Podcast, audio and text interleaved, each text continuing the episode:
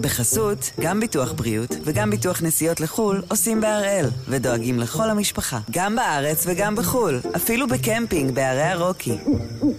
כן, גם שם, כפוף לתנאי הפוליסה וסייגיה ולהנחיות החיתום של החברה. היום יום שני, 31 בינואר, ואנחנו אחד ביום, מבית N12.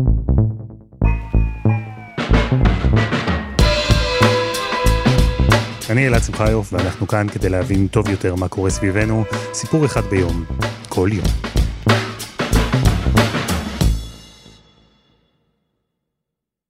היום, בסוף יום העבודה, כשהיועץ המשפטי לממשלה יצא מהמשרד שלו, יכבה את האור, ייכנס לאוטו וייסע בחזרה הביתה, הוא כבר לא יהיה היועץ המשפטי לממשלה. כי אחרי שש שנים, דוקטור אביחי מנדלבליט יסיים את הכהונה שלו באחד התפקידים הכי רגישים, הכי מורכבים, הכי חשובים שיש בשירות הציבורי בישראל. ואתמול, ישיבת הממשלה הייתה גם מיני מסיבת פרידה. מסיבת פרידה מהיועץ המשפטי לממשלה. היום אנחנו נפרדים מהיועץ המשפטי לממשלה, אביחי מנדלבליט. אני מבקש, בשם ממשלת ישראל, להודות לך, אביחי, על שנים רבות ומסורות של שירות למען מדינת ישראל. תודה רבה. והדבר הכי מעניין, הכי מפתיע בכהונה של מנדלבליט, זה שלפני שש שנים, כשהוא מונה, ספק אם מישהו, אפילו הוא, היה בכלל מאמין שאנשים יגידו עליו את הטקסטים האלה, ושהוא בעצמו יעבור את מה שהוא עבר. אז הפעם אנחנו מסכמים את הכהונה של היועץ המשפטי לממשלה.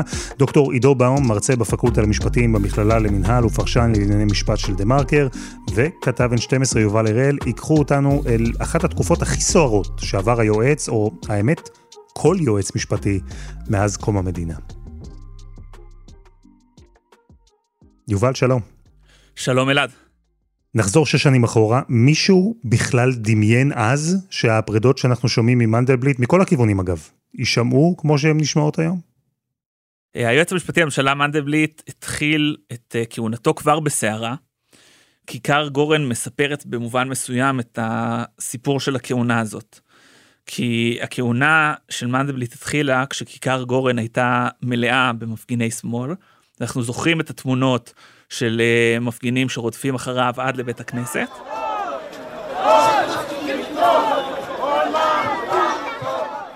היו שלבים מאוחרים יותר שהיו, אני זוכר ממש, שני מחנות, שהכיכר ממש מפוצלת, ו- ולאט לאט אתה רואה שיש יותר מפגינים מימין מאשר מפגינים משמאל, או שפתאום ההפגנה משמאל היא סוג של uh, הפגנת uh, תמיכה, וההפגנה מימין יש שם פתאום מגפונים. לביבי אין תחליף! העם מחליט! בושה! בושה! בושה! בושה! בושה! במובן הסמלי זה, זה, זה מראה בעיניי את השינוי שעבר היועץ המשפטי לממשלה מבחינת התודעה הציבורית שלו. זהו, שבימים הראשונים של מנדלבליט בתפקיד, אי אפשר היה להתבלבל בקשר לאמוציות, בקשר למה כל אחד חושב סביב המינוי הזה. הזכרת את כיכר גורן, מה שכונה הפגנות פתח תקווה. המפגינים שם טענו שהמינוי הזה שלו הוא, אה, איך נאמר, כמעט שחיתות. היועץ המשפטי לממשלה התחיל את תפקידו כמי שמצטייר כיועץ משפחתי במרכאות, כמו שכינו אותו בגנאי, כמישהו שמגן על נתניהו, כמישהו שמקורב לנתניהו, וכמי שלעולם לא יוכל להעמיד לדין אם יהיה בכך צורך את בנימין נתניהו. זהו, צריך לומר שמנדלבליט הגיע לתפקיד הזה אחרי שהוא היה מזכיר הממשלה, תפקיד שבו הוא עבד צמוד מאוד עם ראש הממשלה לשעבר נתניהו, והוא מונה להיות יועץ משפטי לממשלה, שוב, בממשלת נתניהו, תחת נתניהו. ובעצם באותם ימים, כשמנדלבליט מונה, ובתחילת הכהונה שלו, המתנגדים, המבקרים שלו, אמרו שנתניהו קידם אותו לתפקיד הזה מתוך רצון שמנדלבליט ישמור עליו.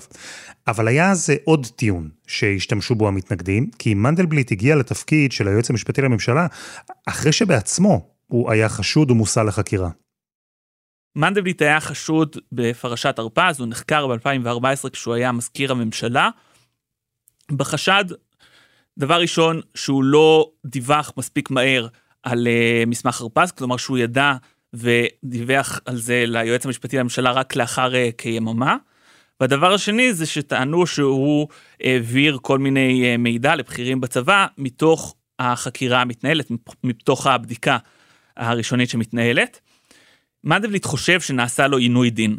הוא גם חשב שהסגירה של התיק נגדו הייתה גם לא נכונה, כי סגרו את התיק לא מחוסר אשמה, אלא מאיזושהי עילה משולבת, שהיא פחות מנקה את שמו לחלוטין מאשר עילה של חוסר אשמה.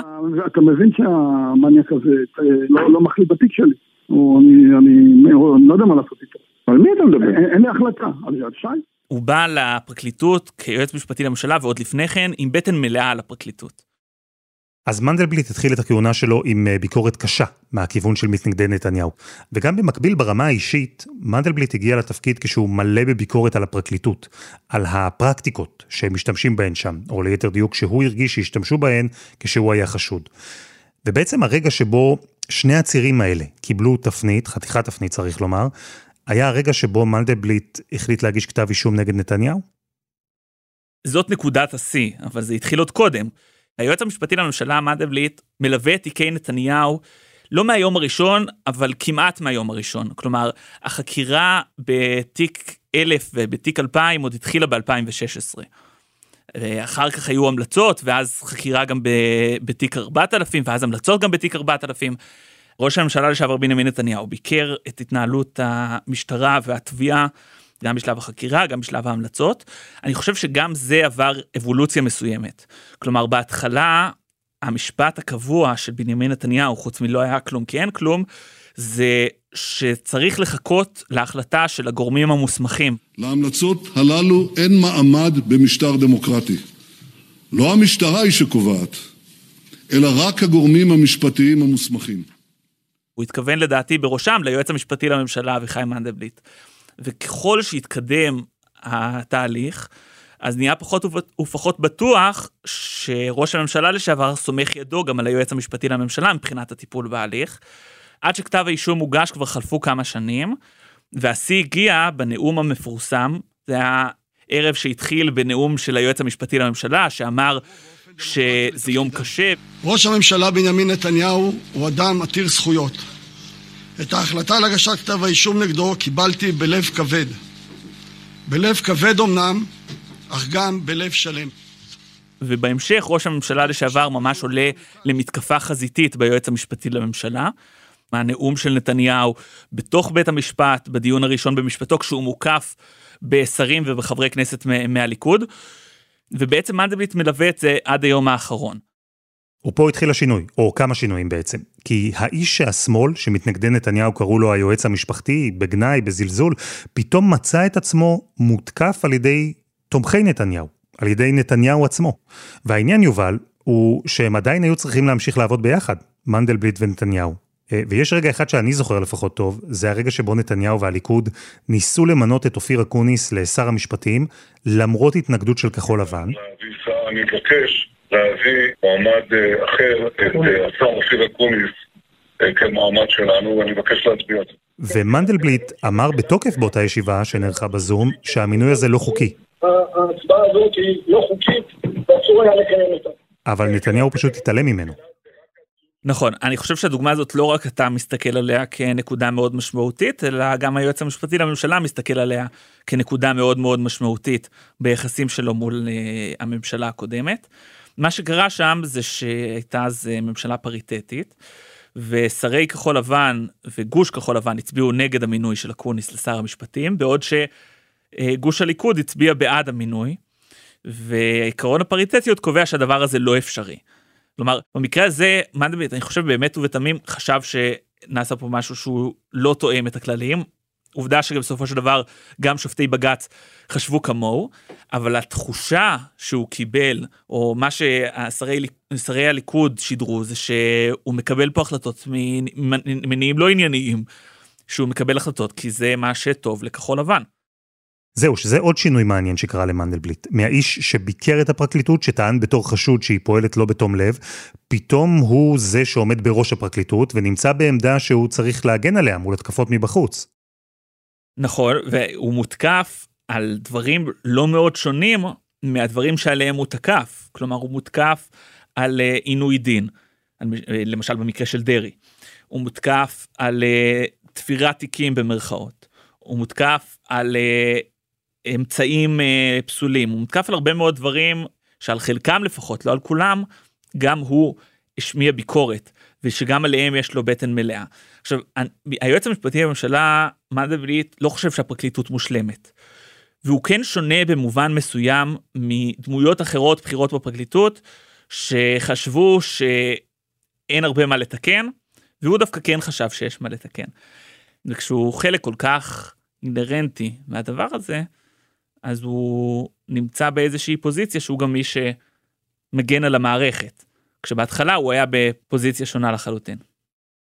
מנדלבליט של החלק הזה בכהונה שלו הוא כבר לא אותו מנדלבליט של תחילת הכהונה. אבל זה לא יהיה מדויק להגיד שאם הוא הכעיס את השמאל בהתחלה, אז בשלב הזה הוא הכעיס את הימין. כי מנדלבליט נתקל גם בביקורת משמאל. נכון, הוא היועץ הראשון שהגיש כתב אישום נגד ראש ממשלה מכהן, אבל היו מי שטענו שהוא הגיש כתבי אישום מרוככים מדי, והיה צריך לעשות יותר. כן, אני חושב שהיועץ המשפטי לממשלה זה לא יהיה כזה מופרך להגיד שהוא היה גורם מרסן יחסית. היו גם כאלה שחשבו אחרת, כלומר, אה, למשל המשנה שלו חשב שתיק 4000, רז נזרי חשב שתיק 4000 לא צריך להיות שוחד, ומנדלבליט החליט בכל זאת שתיק 4000 זה תיק שוחד. אבל בדברים אחרים הוא היה גורם מרסן, כמו למשל בתיק 1000, שהיו בכירים רבים בפרקליטות שחשבו שזה לא רק תיק שוחד, שזה תיק שוחד מובהק, והיועץ המשפטי לממשלה חשב שתיק 1000 זה תיק של הפרת אמונים, כפי שאכן בסופו של דבר הוחלט.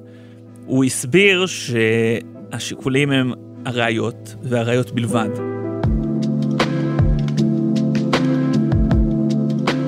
אז אביחי מנדלבליט הצליח לעשות כמה מהפכים בכהונה שלו, אבל יש אפילו עוד, ולגמרי ייתכן שהכהונה הסוערת הזו תוביל לכך שמנדלבליט יהיה היועץ המשפטי האחרון, לפחות במתכונת הנוכחית.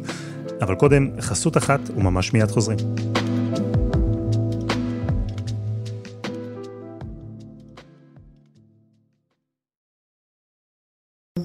בחסות, גם ביטוח בריאות וגם ביטוח נסיעות לחו"ל עושים בהראל, ודואגים לכל המשפחה, גם בארץ וגם בחו"ל, אפילו בקמפינג בערי הרוקי. כן, גם שם, כפוף לתנאי הפוליסה וסייגיה ולהנחיות החיתום של החברה. אנחנו מסכמים את הכהונה של היועץ המשפטי לממשלה אביחי מנדלבליט, כהונה שהתחילה לפני שש שנים, והיום תגיע לסיומה. ובתור יועץ משפטי לממשלה, אין ספק שהשיא של הכהונה היה ההחלטה להגיש כתב אישום נגד ראש הממשלה. אבל אה, יובל הראל, זו לא ההחלטה היחידה שמנדלבליט קיבל שקשורה לאנשי ציבור.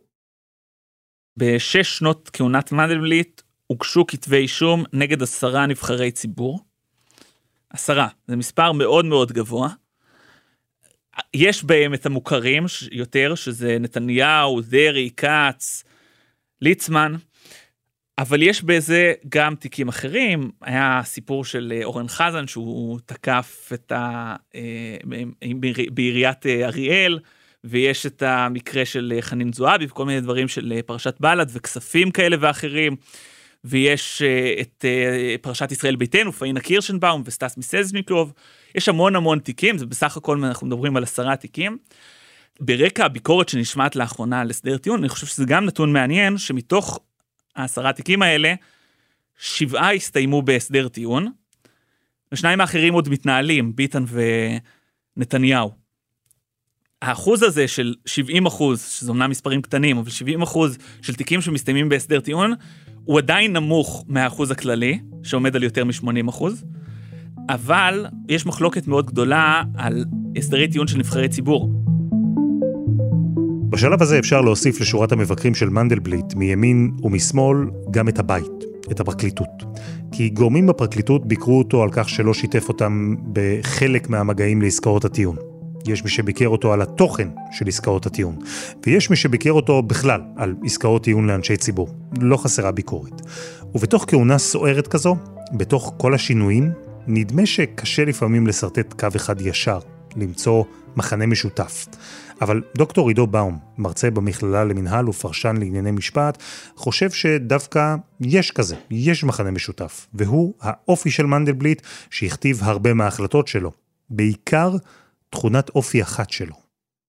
אה, שהוא איש מאוד זהיר, שבסופו של דבר כשהוא מקבל את ההחלטה שלפעמים לוקחת לו הרבה זמן ולפעמים יותר מדי זמן, אולי דווקא לא בנתניהו אלא באישי ציבור אחרים, אבל כשהוא מקבל את ההחלטה הוא מוכן להיכנס לזירת האגרוף הזו בדרך הוא עושה לא מעט אה, הנחות, נקרא לזה ככה. אני חושב שבתיקי נתניהו, ועכשיו אנחנו גם רואים את זה בשלושה תיקים שבהם אה, הוא הסכים לסגור הסדרי טיעון מקלים מאוד, אה, חיים כץ, דרעי וליצמן, למרות שמנדלבליט מנסה לצייר את עצמו כמי שהיה מאוד מאוד נחרץ, ולמרות שצריך לשים לזכותו את זה שהוא הגיש כתב אישום נגד ראש ממשלה מכהן, בדרך הוא נותן לו עוד אורכה לפני השימוע ועוד הזדמנות, ומתייצב לצידו של נתניהו באחד הבג"צים הדרמטיים ביותר, אה, בהרכב של 11 שופטים, ואומר האיש הזה למרות שלושה כתבי אישום חמורים עם עבירת שוחד, שהוא עצמו מנדלבליט חושב שזה חשוב, האיש הזה יכול להתמודד על ראשות הממשלה. אם מדברים על כהונת מנדלבליט, אז אה, כן, צריך לדבר על מנדלבליט, אבל אי אפשר להתעלם גם ממה שקרה מסביבו. ואי אפשר לתהות, כמו הביצה והתרנגולת, מי גרם לכך שהכהונה הזאת תהיה כל כך סוערת? הוא או המציאות? אני רוצה להגיד לך שאני חושב שכל יועץ משפטי לממשלה בסיטואציות דומות היה נקרא בין סוגים שונים של החלטות. אה, מנדלבליט במובן הזה דומה מאוד לאליקים רובינשטיין, עוד אדם שהיה מאוד מקורב לפוליטיקה, מונה לתפקיד יועץ משפטי לממשלה, עמד מול תיקים כולל מול בנימין נתניהו והדילמות הן מאוד מורכבות, מצד אחד אתה רואה את השחיתות, מצד שני אתה אומר רגע אבל גם יש את רצון הבוחר, אם אה, כל כך הרבה אנשים מצביעים בעד האיש הזה אז, אז אי אפשר להתעלם מהדבר הזה, גם בית המשפט העליון אה, אמר את זה. ו, וחלק ניכר מההחלטות שמנדלבליט קיבל עמדו במבחן של בית משפט עליון ברוב מכריע. של, ה, אה, של השופטים, מה שאומר שלפחות אה, מבחינה משפטית ציבורית, עוד משפטנים ברמה הבכירה ביותר ראו כמוהו. אני לא חושב שאפשר לומר שהאיש פעל ממניעים מושחתים, אני חושב שמנדלבליט הוא איש ישר. שנקלע למלחמה בתנאים מאוד מאוד מאוד קשים, בתקופה מאוד סוערת ולא רגילה. לא היה רגע אחד דל של שקט עם, עם ירי מכל הכיוונים. ובמובן הזה, זה מאבק בלתי פוסק ש, שיש בו טעויות, אין מה לעשות. וזה עוד דיסוננס כזה שקרה בכהונה של מנדלבליט. משפטן שמרן, זהיר, שמצא את עצמו בתפקיד שמחייב לקבל החלטות קשות, ובתקופה שהייתה מלאה בהחלטות קשות שצריך היה לקבל. וכאן דוקטור באום משרטט עוד ציר כזה, עוד תהליך ושינוי שעבר על מנדלבליט בכהונה. אני חושב שההחלטה, ההחלטה להעמיד ראש ממשלה מכהן לדין בעבירות השחיתות הכי חמורות, אה, להשתכנע לעשות את זה, היא החלטה קורעת לב, קשה מנשוא, אני חושב שזו החלטה אה, אמיצה מאוד. אחר כך, צריך לומר, מה שקורה מאז הנכונות לנהל משא ומתן, כולל הנכונות לוותר על מאסר בפועל במסגרת אה, הסדר טיעון וסגירת שלושה תיקים, היא בעיניי אה, בעיקר מעידה על כנראה היחלשות עצומה, זאת אומרת האיש ניהל מאבק שלא היה, לא היה יועץ משפטי לממשלה שניהל מאבקים כאלה בתקופה כזאת ארוכה, וכנראה שזה נתן את אותותיו בהחלטות בסוף. עייפות. זה בגדול השינוי שדוקטור באום מדבר עליו, זה מה שלטענתו הוביל את מנדלבליט ממי שהיה חדור מוטיבציה ואמונה, הגיש כתבי אישום נגד אישי ציבור, הלך איתם עד הסוף, ועכשיו בסוף הכהונה סוגר בזריזות עסקאות טיעון עם חלקם וניסה לסגור עוד. עייפות. אני נוטה לחשוב שזה, שזה בא משם, כי חלק מהעסקאות הם, אה, ההסדרי טיעון האלה נראות לי באמת כמו מכירת חיסול במחיר נמוך במיוחד, מחיר שמנדלבליט עצמו בשלבים קודמים של, אה, אה, של התפקיד שלו לא היה מוכן לחתום עליו. הוא היה חלק מהתהליך למשל של החרפת הענישה בעבירת הפרת אמונים, הוא היה ליווה את התיק של פאינה קירשנבאום והנלווים שם עם העונש המאוד משמעותי, היה מעורב בזה, הוא היה מעורב בתיק של אה, הסדר הטיעון של סטס מיסז'ניקוב, שנחשב להסדר הטיעון המרחיק לכת ביותר בעבירה של הפרת אמונים, לסגת משם למחירים שהוא דרש עכשיו בשלושה הסדרי הטיעון האחרונים, כץ, דרעי וליצמן, זה הפתעה שאפשר אה, לומר שהיא יכולה להיות בעיקר חולשת, ה, אה, חולשת מקבל ההחלטות בסוף ימיו. אז עייפות זה אולי הסבר אחד, יש גם אחרים כמובן. מנדלבליט נתקל בביקורת מקצועית גם על הפערים האלה, על כתבי אישום חמורים ועל עסקאות טיעון מקלות יחסית. על אריה דרעי למשל, מנדלבליט עצמו אמר שההר הוליד עכברון. התיק הזה אה, לא הוליד אפילו עכברון, זאת אומרת... כלום. זה, לא שנשארה, לא יודע, זה כאילו, פשוט כלום. אבל באותה הקלטה הוא גם אמר שבכל זאת התגלו עבירות מס חמורות. אז הביקורת עליו היא כפולה, על מנדלבליט שדיבר על הר במקור, ומהצד השני על מנדלבליט שלא התמודד בסוף אפילו עם העכבר. יובל, לא עשה מספיק או עשה יותר מדי, איכשהו כל צד טוען משהו אחר על מנדלבליט כיועץ משפטי. יש מחלוקות, אה, וזה מה שצריך לזכור גם בתפקיד הזה. הרי משפט זה לא מתמטיקה, כלומר, לא תמיד אפשר, אה, אם יש כמה משפטנים בכירים שבבכירים, הם לא תמיד יסכימו על אותו דבר. חוץ מזה כן צריך לזכור בהקשר של הכהונה של מנדלבליט, שיש את הדברים שהם מעל לפני השטח, שאלה אה, הליכים המשפטיים נגד אנשי ציבור, זה בעיקר מה שמוכר. אבל בדברים אחרים, מנדלבליט הלך באופן מוחלט עם הממשלה. כלומר, אנחנו רואים לאחרונה עם הקורונה שהוא הגן פעם אחר פעם, הוא אמנם שרטט קווים אדומים בדברים מסוימים, אבל הוא הגן על, המ... על העמדה של הממשלה בבג"ץ. בהרבה עתירות שהוגשו, אם זה איכוני שב"כ, תו ירוק, חוק הקורונה הגדול ועוד כל מיני דברים. גם בנושאים ביטחוניים, אם זה אה, עמידה מול בית הדין בהאג, אם זה דברים שהם גם שנויים במחלוקת בתוך שופטי בג"ץ, כמו הריסת בתי מחבלים, שהיועץ המשפטי לממשלה תמיד תמך בהליך הזה של הריסת אה, בתי מחבלים, ועוד כל מיני נושאים שהם כאילו פחות בשיח הציבורי, לפחות בהיבט של היועץ המשפטי לממשלה, אבל הם גם מאוד משמעותיים. כי זה אחד מהכובעים של היועץ המשפטי לממשלה, הוא לא רק מי שעומד בראש התביעה הכללית, אלא גם מי שמלווה את הממשלה, שמייעץ לשרים ושמייצג את הממשלה בפני בג"ץ. ואתה יודע, זה מחדד אצלי, וכמובן גם אצל אחרים, את השאלה אם הדבר הזה בכלל יכול לעבוד.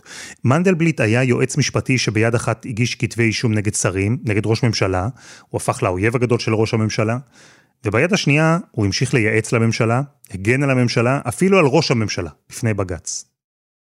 אני חושב שהתשובה היא שזה לעולם לא יכול באמת לעבוד. כלומר, הכהונה של מנדלבליט הוכיחה, והיו מקרים קודמים שהוכיחו את זה, אבל הכהונה של מנדלבליט הוכיחה יותר מכל שתפקיד היועץ המשפטי לממשלה הוא גדול על אדם אחד.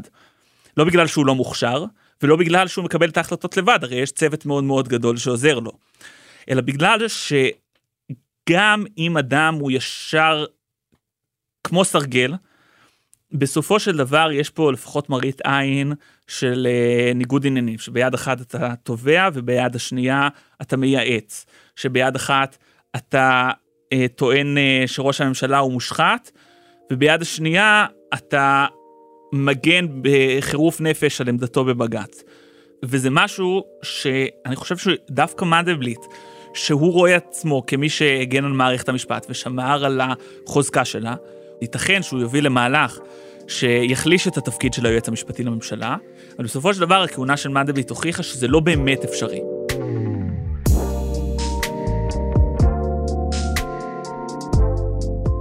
ואתמול, בשעת ערב, ועדת האיתור ליועץ המשפטי לממשלה הבא המליצה על שלושה מועמדים סופיים. עורך הדין איתי אופיר, עורכת הדין גלי בהרב מיארה ודוקטור רועי שיינדורף. לפי כל הערכות, עורכת הדין בהרב מיארה, המועמדת המועדפת על שר המשפטים סער, היא זו שתיבחר לתפקיד ותהיה האישה הראשונה כיועצת המשפטית לממשלה.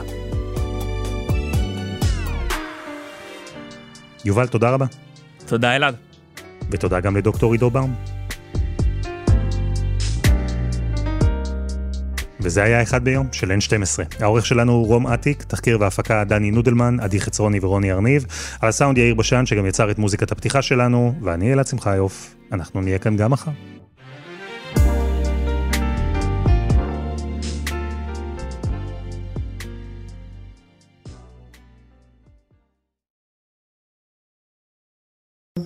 בחסות, גם ביטוח בריאות וגם ביטוח נסיעות לחו"ל עושים בהראל, ודואגים לכל המשפחה, גם בארץ וגם בחו"ל, אפילו בקמפינג בערי הרוקי.